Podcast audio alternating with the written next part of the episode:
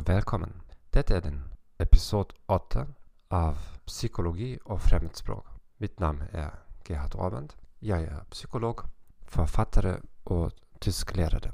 I denna episoden ska vi snacka om Gabriele Oettingens teori om mental kontrast. Jag hoppas att du har icke missat den sista episoden, episoden 7, fördelen med att snacka sagt. Om du vill lyssna till oss på ett annat språk. Kanske för mitt norsk är fortfarande för intolerabel. Så kan du gå till thegomethod.org podcast och du kan lyssna till oss på engelsk, fransk, tysk, rysk, arabisk, vad du vill.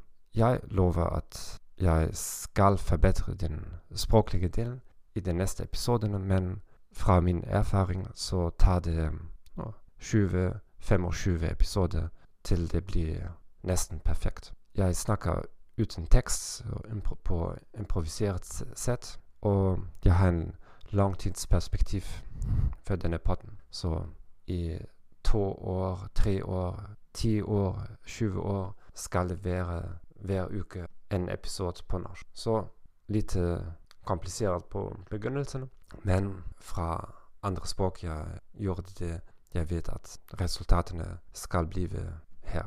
Okej, okay. så eh, äh, viss äh, eh, inlärning av ett främspråk är äh, kritisk för din karriär så är min bok uh, The Go Method-lösningen.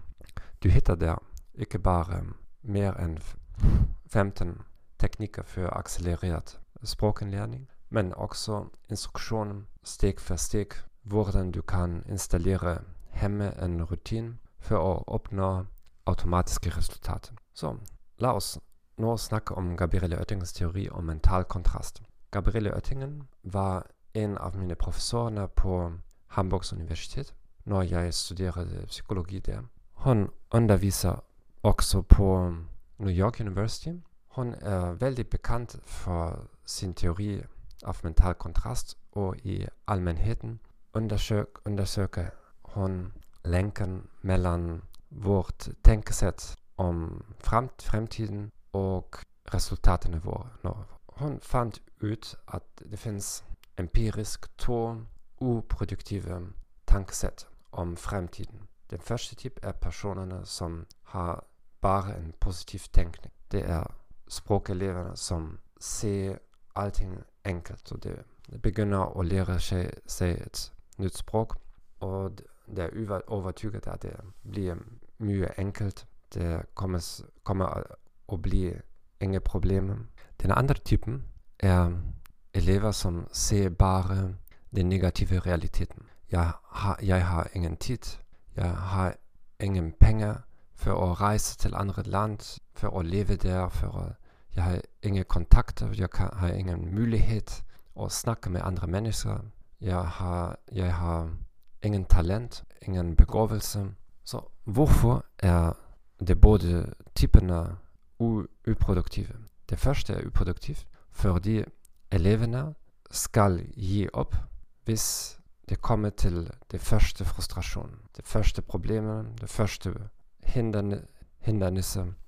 Så det har tendensen att ge upp för det var helt oväntat. Så det är en stor chock för dem. Det andra typ av eleverna inte alls begynner för det gör ingen sens. Varför skulle jag begynna något visst jag har ingen tid, ingen talent och så vidare. Mental kontrast består i det följande.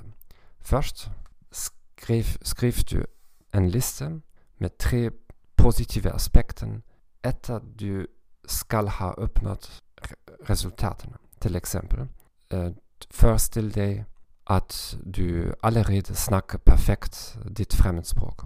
Hvordan skal livet, din, livet ditt se ut? Så till exempel, du lever i ett annat land, har ett nytt jobb, har nya kontakter, kan konsumera information på originalspråk, läsa dina favori favoritböcker i original och så vidare. Senare skriver du tre negativa faktorer. Vad är negativt just nu i realiteten som hindrar dig att uppnå målet. Senare tar du den mest positiva aspekten och skriver en små historia. Så på en halv sida, en hel sida. Så till exempel eh, en fantasi om första dagen på mitt nytt jobb. Eller min första salär jag får. Eller deltagandet i en internationell konferens. Eller en person som tackar mig för att jag hjälpt dem genom att snacka på ett främlingsspråk till exempel. Så du skriver alla detaljerna, alla emotionerna, tankarna du har på den fiktiva moment. Senare tar du den mest negativa aspekten och gör detsamma. Och senare den andra mest positiva, den andra mest negativa och den tredje positiva och den tredje negativa aspekten.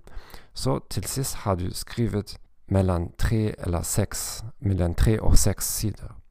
Bara denna interventionen som tar 40 eller minuter eller en timme har producerat signifikanta resultat hos olika empiriska studier från Gabriele Oettingen och många av kollegorna hennes.